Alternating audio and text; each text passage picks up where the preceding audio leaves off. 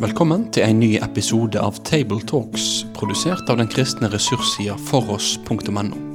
På foross.no får du tilgang til tusenvis av solide, oppbyggelige og korsforankra ressurser. Vil du være med og støtte dette arbeidet økonomisk? Da kan du gjerne gi de gaver til Foross på VIPS nummer 70979. Vi håper at du setter pris på dagens episode av Table Talks.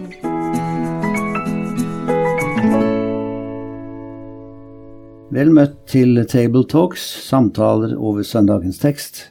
Det er Svein Granerud, Egil Sjåstad og Asbjørn Kvalbein her i studio. Og vi skal snakke om eh, Markus 1, vers 40 til 45, som er tekst for 18. søndag i trefoldighet. En mann som var spedalsk, kom til ham, falt på kne og ba om hjelp. Om du vil, kan du gjøre meg ren. Jesus fikk inderlig medfølelse med ham og rakte ut hånden og rørte ved ham. Jeg vil, sa han, bli ren. Med det samme var spedalskheten borte, og mannen ble ren. Jesus talte strengt til ham og sendte ham straks bort. Se til at du ikke sier et ord om dette til noen, sa han, men gå og vis deg for presten og bær fram de ofre for renselses din som Moses har påbudt. Det skal være et vitnesbyrd for dem. Men mannen gikk av sted og ga seg til å fortelle om det som hadde hendt, og gjøre nyheten kjent vidt og bredt. Derfor kunne Jesus ikke lenger vise seg i noen by. Han holdt til utenfor byene, på øde steder men folk kom til ham, til ham fra alle kanter. Ja, mens jeg leste denne teksten her om dagen, så hørte jeg på eh, gjennom YouTube et svært kor fra Atlanta som sang den sangen som er verdensberømt. Oh, oh, how I love Jesus. How I love Jesus because he first loved me. Det er om Jesus det handler, disse søndagstekstene. og da jeg var ung og dum, så tenkte jeg mye at man preker jo altfor mye fra evangeliene i kirkene. skulle hatt mye mer. Men eh, når jeg blir eldre, så ser jeg viktigheten av å se Jesus' storhet.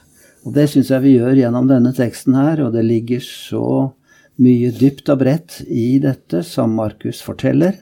Han har jo i dette første kapitlet sitt en slags revy over eh, Jesu virksomhet med flere eksempler. Og her er da et eksempel både på hva Jesus forkynte, men ikke minst hva han gjorde mot de som var syke og skrøpelige. Så um, her er et faktakapittel av Markus. Og det var første tjenestereise, kan vi si, i Galilea for Jesus, og her et, et av mange høydepunkter. Ja, hva slags eh, observasjoner gjør dere, brødre, omkring denne teksten? Man må jo først tenke litt på hva det vil si å være spedalsk. Ja. Det har jo vært et problem også i nyere tid, faktisk. Og en enorm skam knytta til det. Jeg leste om ei bok som visstnok tar opp det problemstillingen fra rundt eh, krigstida, da folk fikk noe spedalskhet og opplevde denne veldige skammen det. Og det var det på Jesu tid. altså. De skulle være for seg sjøl. De var både urein fysisk, men også utstøtt fra det åndelige fellesskap. Så det var en spedalsk person med sikkert en djup skamfølelse og eh, frustrasjon, og fremmedgjort fra det gode selskap. Og det gjaldt å unngå offentlighet. Iallfall gjaldt det for folket å unngå nærkontakt. Og legevitenskapen sa 'ikke rør sånne folk', for de er smittefarlige. Det, det, der er situasjonen Jesus går rett inn i, da. Ja, og det var jo sagt direkte i Moseloven den som er angrepet av en slik sykdom, skal flerre klærne sine og la håret henge fritt. Han skal skjule skjegget sitt og rope 'uren, uren'. Så lenge han er angrepet, er han uren. Han skal bo for seg selv utenfor eh, leiren skal han holde til. Så det er både en forferdelig vond sykdom hvor kroppen delvis råtner bort, og det er smerter i ledd og mange ting, men det er det sosiale også som må være forferdelig, å bli avvist og uh, måtte advare mot seg selv. Ja, det har vel alltid vært skambelagt å bli utstøtt. Uh, uansett hvilke grunner det er som, uh, som ligger bak det. Og man kan sikkert si at her er det relativt forståelige grunner også. Det er det man kunne av hygiene og smittevern. Det prøver man å iverksette så godt man kan. At det skal være avstand mellom folk og de som er smittebærere, slik man tenker. Så det er jo en form for primitiv eh, vern om at sykdom ikke skal bre seg. Vi kjenner jo til det fra koronatida. Skal til å si det. Vi er ikke helt ukjent med det. Jeg tror mange har fått denne erfaringen tett på. Og kanskje skammen har nok ikke vært i samme grad hos oss, og særlig fordi det er så allment og anerkjent. Men på den tiden der så var nok den eh, større. Og så var det ikke bare den, den uh, hygieniske medisinske ivaretagelse, men også den religiøse, i og med at uh, hvis du var en slik sykdom, så kunne du heller ikke komme inn for Gud, slik som de andre kunne. Og det økte jo sikkert også opplevelsen av både å være utenfor og den skammen som fulgte med.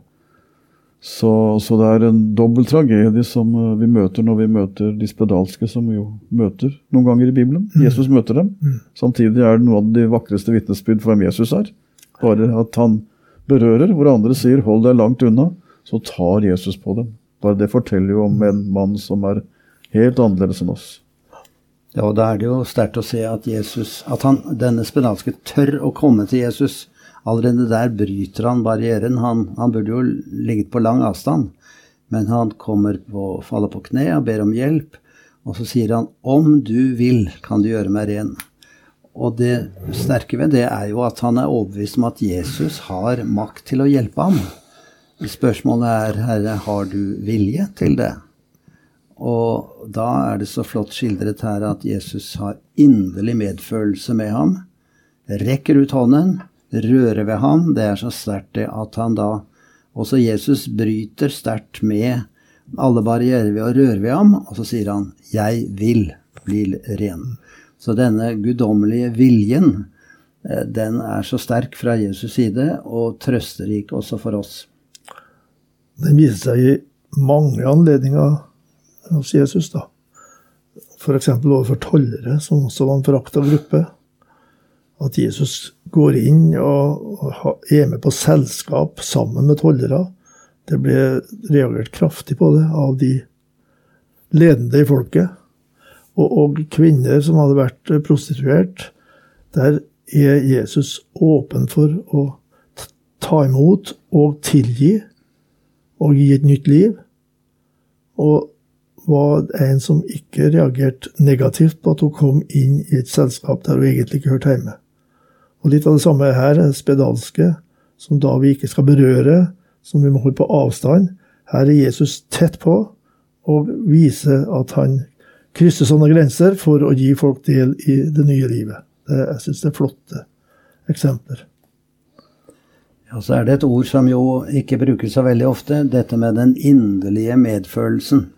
Som faktisk bare brukes, det uttrykket, om Jesus, eller i lignelsene Jesus forteller. Det er altså en, en type medynk, en medlidelse, som nesten ikke mennesker kan ha.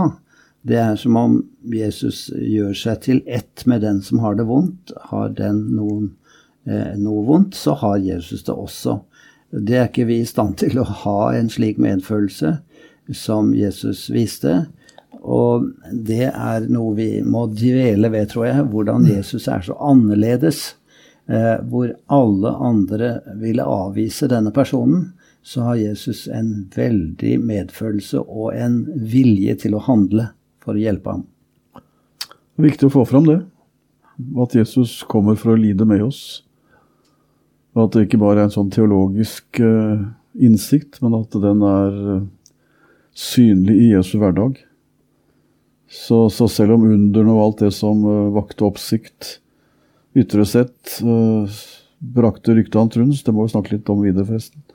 Men, men, men uh, at han viste medlidelse, altså innlevelse, Jesus som var så annerledes. Det var ingen som kom folk så nær som, som, som han. Og et sånn ørlite sidespor på akkurat den betraktningen er jo at uh, når, når, vi løfter dette opp til den store spørsmålene om Jesus kom for å lide for oss eller med oss, det er jo en sånn teologisk problemstilling som sikkert en del forkynner også av og til støter på.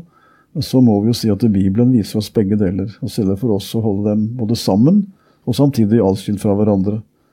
For eh, når vi i andre sammenhenger påpeker at Jesus primært kom for å lide for oss og sone våre synder, så kan det ikke sies tydelig nok at det var hans aller viktigste handling til vår frelse.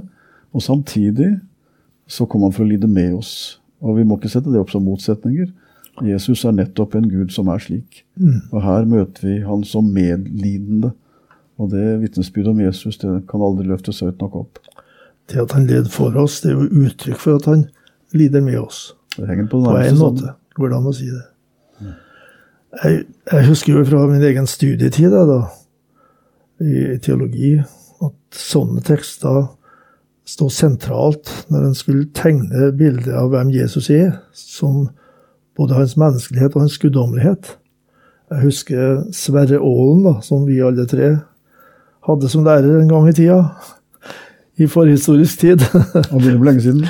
Så, så, hadde han vunnet internasjonal anerkjennelse ved en artikkel om, om Jesus og hans måte å gjøre under på. De kalte den javistiske analogi. Altså Det betyr at Jesus opptrer i analogi med måten Gud opptrer på i Det gamle testamentet, f.eks. i skapelsen. Bli lys, og det ble lys. Og I Det nye testamentet så trer Jesus fram og handler som Gud. Bli ren, og han ble ren. Kom fram, og han kom fram. Far ut til onde ånder, og de for ut. Da ser en analogien mellom Guds måte å handle på i skapelsen og gjennom frelseshistorien, og Jesus som trer fram, og som gjør at Jesus blir mer enn en profet. Ingen profet taler som han. Jesaja, Esekiel, Jeremia. Ingen av dem trådte fram og sa 'Jeg vil bli ren'. De kunne kanskje si 'jeg vil', men de sa aldri 'bli ren' på den måten, uten å anrope Gud om det. Men det var det Jesus gjorde. Men vi må jo kaste inn litt av anfektelsens spørsmål her, når noen hører dette, at Jesus hjalp en som var så alvorlig syk. Hvorfor hjelper han ikke meg, sier noen Sim sier. Hvis Gud kan helbrede, og hvorfor vil han da ikke gjøre det i mitt liv? Hva svarer dere på en, en sånn sjelesørgerisk innvending? Nei, det er jo ikke enkelt, vet du. Det er ikke enkelt, og det er kanskje et, også et svar. Eh, at vi ikke later som om det er enkelt. Det blir ikke mer troverdig av å ha en eller annen sånn quick fix i teorien når virkeligheten er som, som den er. Så jeg tenker at vår troverdighet eh, bør også inneholde vår smerte over at eh, så mange nettopp er i, er i smerten. Sånn teologisk sett så vil vi vel svare at vi er ikke framme ennå. Uh, Guds rike er kommet med Jesus, men det er ikke kommet og fullkommengjort en fallen skapning. Jorda er fortsatt en skaperverk som uh, lider under og i det onde. Og så er Jesus kommet for å starte krigføringen mot de som har okkupert vår jord. Det er jo en litt sånn brukt analogi, det også, jf. et fint uttrykk du brukte. Eh, at eh, når Jesus kommer, og Jesus blir født, så var det Guds D-dag. Da begynner opprullingen av fiendens linjer, som de allierte gikk i land i Normandie 6.6.44. Da visste folk at det går mot seier, men det blir mye nød først. For eh, her er det en fiende som overvinnes, og derfor kan vi ikke begynne å seire og feire seieren før eh, fienden er slått. Det bildet er litt til hjelp for meg, iallfall. Fordi jeg og alle ser at vi lever i en jord og på et skaperverk hvor det onde og den onde har makt og gjør at livet blir krevende. Kanskje mer for noen enn for andre. Da vet jeg at det er en som har gjort landgang på vårt territorium. Mm. Guds sønn har kommet, ikke til tordenskrall, men til englesang. Og han er i ferd med å rulle opp fiendens linjer. Det avgjørende slag sto på Golgata, så jeg vet at seieren er vunnet. Men uh, å innkassere den, det endelige slaget, det står fortsatt til gode. Og derfor er vi i den situasjonen som vi Det er vel de gamle som skjønner bildet her, da, men de unge skjønner kanskje de òg. At én ting er å gjort landgang på et territorium, men du må erobre det også. Ja, og det, jeg tenkte på det ordet av Paulus i denne sammenheng her.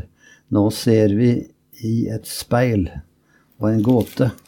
Altså Det er mange måter det kan sies på at vi skjønner stykkevis, og vi forstår ikke alt, og vi har ingen forklaring. Men det viktige er at eh, jo mer vi blir anfektet, jo mer skal vi lese om Jesus og tenke på ham. For det er eh, slik at eh, når han kommer nær, så skjer det noe, i alle fall. Det viser seg. Altså her skjedde det noe veldig radikalt, da. Fullstendig frelse. Men om vi forkynner Jesus også for de som lider, så, så vil det kunne bli en ny erkjennelse. Man ser i speilet, det er en gåte, men vi får kanskje litt mer lys over ting hvis vi er nær Jesus. Ja, Bare føye til det jeg sa nettopp om, om den krigssammenligningen, at i det bildet så blir jo enhver undergjerning av Jesus det blir på en måte et uttrykk for at seierherren er kommet. Han viser at han er her. Men han har mer han må overvinne før seieren er fullendt. Men ethvert under som Jesus gjør, forteller at nå har han kommet som er sterk nok til å innkassere den endelige seieren. Ja, og at dette er et tegn, da. Det er jo det, det Johannes evangeliet ja. bruker om Jesu undergjerninger. At det er tegn, for det første på hvem Jesus er, og for det andre hva han gir til slutt. Så det er tegn, det er skilt som peker framover, da. Og, og, det er en del av forkynnelsen også i sjelesorgen, at en forsøker å tegne det framtidsbildet Bibelen gir, der det Jesus gjorde som tegn, blir virkelighet for oss alle. I Romerne 8 så står det at hele skapningen denne stund sukker sammen og stønner som vi ber. Også vi som har fått Ånden som førstegrøde, altså vi troende, vi sukker med oss selv mens vi lengter etter våre, vårt barnekår, vårt legemes forløsning. Så det er, et, det er et perspektiv framover som vi må prøve å ta folk med på. da. Midt i det at vi også ber for dem, og ber om et inngrep fra Gud der og da. Begge deler hører ja, det, Det løser ikke smerten hos den enkelte, men det gir allikevel en dimensjon som gjør at jeg ikke håpløs. Jeg Kom på en ting jeg var gjennom nokså nylig. da, En person som har mista et nært familiemedlem på havet. I, og vedkommende ble aldri funnet. Mm. Og da var jeg akkurat der og da opptatt med en biografi om Lina Sandel. Og hun mista far sin i Vetteren, der han døde, da, og ble funnet igjen av noen fiskere noen dager etterpå. Og, og den historien om Lina Sandel, som da skrev de varmeste og tryggeste salmene vi kan tenke oss. Ingen er så trygg i fare. Blott en dag, et øyeblikk i sender. Kan ikke rekna dem alle, ditt pro på Guds godhet jeg har. Hun har vært igjennom både den krisen, som da skapte mm. sikkert en umiddelbar uh, sorg og smerte og nød. Hun var veldig nært knyttet til faren sin. Og veldig nært knyttet til faren sin. Og at hun sjøl var så ofte sjuk så, så kjempa hun seg fram og så Jesu gjerninger i Det nye testamentet som tegn som jeg har del i allerede nå, i kraft av det som skal komme. Jeg syns det var en god sjelesørgerisk vri på det hele. da. Mm. Så sier Jesus at dette må du ikke fortelle til noen. Eh, du må ikke kunngjøre det. Det er jo en gåte også det, da. Hvordan skal vi tolke det at Jesus forbød han, men han gjorde jo det motsatte. Han gikk straks ut og fortalte til Kreti og Pleti hva han hadde opplevd, naturligvis. Det er nesten festlig, det siste verset. der, altså Det er fornøyelig at han gikk og, og klarte ikke å holde stilt, sjøl om Jesus har talt strengt til ham om å holde stilt. Hvorfor Så, gjorde Jesus det, tror du? Ja, Det kalles Messias-hemmeligheten ja. Eh, i teologien. da, Men det betyr at Jesus ikke på det tidspunkt ønska at det skulle bli proklamert overalt at han var Messias. For det var så mange vrangforestillinger om hva det lå i det å være Messias. Mm. Først på palmesøndag. Da skulle det proklameres for all verden. Der kommer Davidssønnen ridende uh, inn i byen. Han er Messias. Han skal hylles som Messias. For da blir det ikke misforstått. Han skal nemlig dø. for våre synder. Og det knyttes sammen. Så Det tror jeg er forklaringen. da. Ja, vel, Det er den ene siden av det. Det andre er vel at Jesus ville ikke fremstå som en slags trollmann. Altså Når ryktet begynte å gå, så ville de jo ikke forklare alle ting ved Jesu kjærlighet og det som kommer fram her. Men de vil bare si 'han fiksa det'. Så greit. Med et ord så ble jeg rein. Ja. Slik at um, den, det imaget, for å si det sånn, det ville ikke Jesus ha på seg. At han var en slags sjaman som ordna opp her. Nei, men dette, dette er et sånt paradoks som evangeliene tror jeg lever rimelig godt med. Jeg, har- jeg har liksom en opplevelse av at her Jeg tror Jesus også klarer å leve med det. For, for det står flere steder at ryktet man bredte seg der omkring, står det. Ja. Uh, Og det skrives ikke negativt av evangelistene. Det ligger ikke en sånn uh, i, i strid med det Jesus ville. Det er faktisk en positiv beskrivelse av at det Jesus gjorde, gjorde at stadig flere fikk høre. Og Det beskriver evangeliet. Det er ikke negativt i konteksten at de beskriver det. De beskriver det som noe positivt. Og alle de som kommer til ham, denne karen her også, kom fordi ryktet hadde fortalt om Jesus. Hvis ikke noen hadde sendt, begynt å fortelle at det går en omkring som han sier og han gjør, så ville mange av disse som kom, ikke kommet, for det var ryktet som gjorde at de kom. Så, og jeg ser ikke ett eksempel på at Jesus kjeftet, eller vi fikk for vite om at de ble strammet opp etterpå, de som brøt hans påbud her. Så jeg tenker at dette her er et sånn paradoks som vi skal få lov å leve med. På den ene siden så, så skal vi vite at inntil påske og pinse, for å si det enkelt, så ser vi ikke fullstendig hvem Jesus er. Og Derfor er det alltid en risiko. og Den tror jeg Kirken trenger like mye å tenke på i dag som tidligere. Nemlig at hvis ikke vi har den korsfestede oppstandene og Den hellige ånd som peker på ham, som sentrum i vår teologi, så kan vi leve i samme risiko for å få en feilaktig Messias-forståelse som vi kunne på Jesu tid. Og Jesus synliggjør det ved sine formaninger. Men det virker ikke som dette er noe han er nitidig opptatt av å forfølge. Men det er på en måte et signal tror jeg, til både til hans samtid og til vår ettertid at, eh, at det er i møte med den korsfeste oppstanden vi ser hvem han virkelig er. Men så får rykter lov å gå, og rykter de har alt mulig i seg. Evangeliet beskriver dem positivt, og folk kommer. Og så er det noen som blir sinte, noen som er likegyldige, og noen som blir frelst. Sånn er det, og sånn, sånn blir det. At du har den vinklingen. Jeg har sett på det også slik at dette kan være en del av det at Jesus ble menneske og måtte lide i denne verden. Altså han ble misforstått, og han visste det. Han likte ikke at det falske ryktet kom ut om han. Eh, Så en del av det å være menneske som Gud, det var å bli motsagt. Og typisk når ryktene gikk sterkest, så, så ropte han ikke hurra heller, men han dro alene for seg selv. Eh, slik at det kan være et lite glimt av det også. At han eh, led litt under dette, at han skulle bli misforstått så mye. Eh, Det har helt sikkert flere sider, akkurat som vi nå påpeker. Men det er jo også det at eh, vi, når vi leser dette her, så leser vi det i ettertid. Så vi skal ikke ta til oss akkurat dette at ikke si det til noen. Hun sa jo det Jesus en gang, ikke, ikke si det til noen. Men eh, det skal ikke vi tenke er misforståtte Messias er fortsatt en risiko. Altså, men vi har bilde av en som til slutt havna på korset. Og fra, lyset fra det gjør at vi kan ta disse tekstene fram og rett og slett spre dem ut i all verden. Det, det syns jeg er ikke Det skal man være veldig folkelig, så kan man jo si at Jesus opplevde nedsiden av hva det var å være kjendis. Altså Ikke kunne Ja, ja, gå et sted uten at folk strømmet fram og bli invitert inn, og folk kom, de sto i kø for å bli helbredet. Han hadde behov for å få seg kveldsmat og få en natts søvn. Altså, det det har en rent menneskelig side. Opplagt. Men det hjalp ikke, da, for Jesus øh, stakk av, ikke sant? Og, og de hjalp ikke ja, det hjalp ikke, for de kom etter på Mange øde steder, og folk kom til ham fra alle kanter. Så det, det er en sånn spenning i dette Ja, her. så det, er, det har en høyst menneskelig side, og så har det den teologiske siden. At det går an å misforstå Jesus, og den misforståelsen er alltid farlig. Og den gjaldt da, og den gjelder dessverre fortsatt. Det var som magnet. Det var som magnet, ja. Ellers er det jo et poeng òg, tror jeg, at eh, den spedalskheten er jo et lite utgangspunkt for å si litt om synden i oss, og syndens følger og isolasjon osv. Og, og dette som mange kan føle seg av og til som isolert og avskydd og gå helt bundet gjennom denne verden, og så kommer et Jesus og setter mennesket fri. Og de blir så frie at de får lyst til å fortelle det i øst og vest. Og det kan vi også si til mennesker, at Jesus er nær. Han har min inderlig medynk med deg, og han vil veldig gjerne ah, sette deg fri fra det som har isolert deg. Og det er ikke minst eh, synden som preger oss så sterkt. Jeg vet ikke om dere vil konkludere også dere med hva dere ville lagt vekt på i en sånn preken?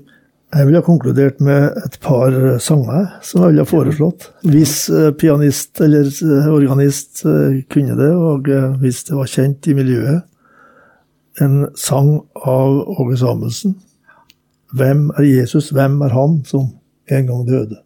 Han er gudesønnen, osv. Det, det, evangeliet svarer på det spørsmålet hvem er Jesus? Og da ser vi samtidig hva vil han være for meg? Også den sangen 'Han har beseiret alt det onde, overvunnet dødens makt'. Glimt inn i Jesus store makt og seier. Det har vært godt å synge på en sånn søndag. Men det er mange andre salmer som det går an å ta fram. Ja, det er bra. Nei, jeg, jeg syns jeg har vært innom det viktige her. Jeg bare ser eh, i avslutningsverset at mannen går rundt og forteller om det som hadde hendt. Og så tenker jeg at Det er ikke så mange uker siden vi snakket om eh, kvinnen ved brønnen. Hun gikk også og fortalte om det Jesus hadde gjort henne. Og Det samme skjer her. Sånn at Det, det første vitnesbyrd det er vitnesbyrd om hva Jesus har gjort. Og Så kommer møtet med Jesus, og så kommer sannheten, og så lytter vi oss inn i hele evangeliet. Men uh, å fortelle hva Jesus har gjort i mitt liv, det er ofte det mest troverdige jeg kan fortelle, for det kan ingen ta fra meg. Det kan man ikke argumentere bort. At, at den hebra, hebraiske, den spedalske, var blitt frisk, kan ingen ta fra han. Og så peker han på Jesus. Det er sånn du og jeg kan gjøre også. Vi får fortelle hva Jesus har gjort. Og så er det ofte begynnelsen til at noen vil lytte til ham. Ja, med det så takker vi for samtalen, og vi ønsker lykke til både til dere som skal forkynne, og dere som skal lytte til forkynnelsen. Takk for nå. Da vil vi si takk for at du valgte å få med deg denne episoden av Tabletalks, produsert av den kristne ressurssida foross.no. Driftinga og utviklinga av nettsida vår den er avhengig av gode og trufaste støttespillere. Vil du gi ei gave til dette arbeidet? Da kan du gi den via VIPS nummer 70929, eller så kan du besøke foross.no for mer informasjon om å kunne bli en fast giver. Ha en god dag videre.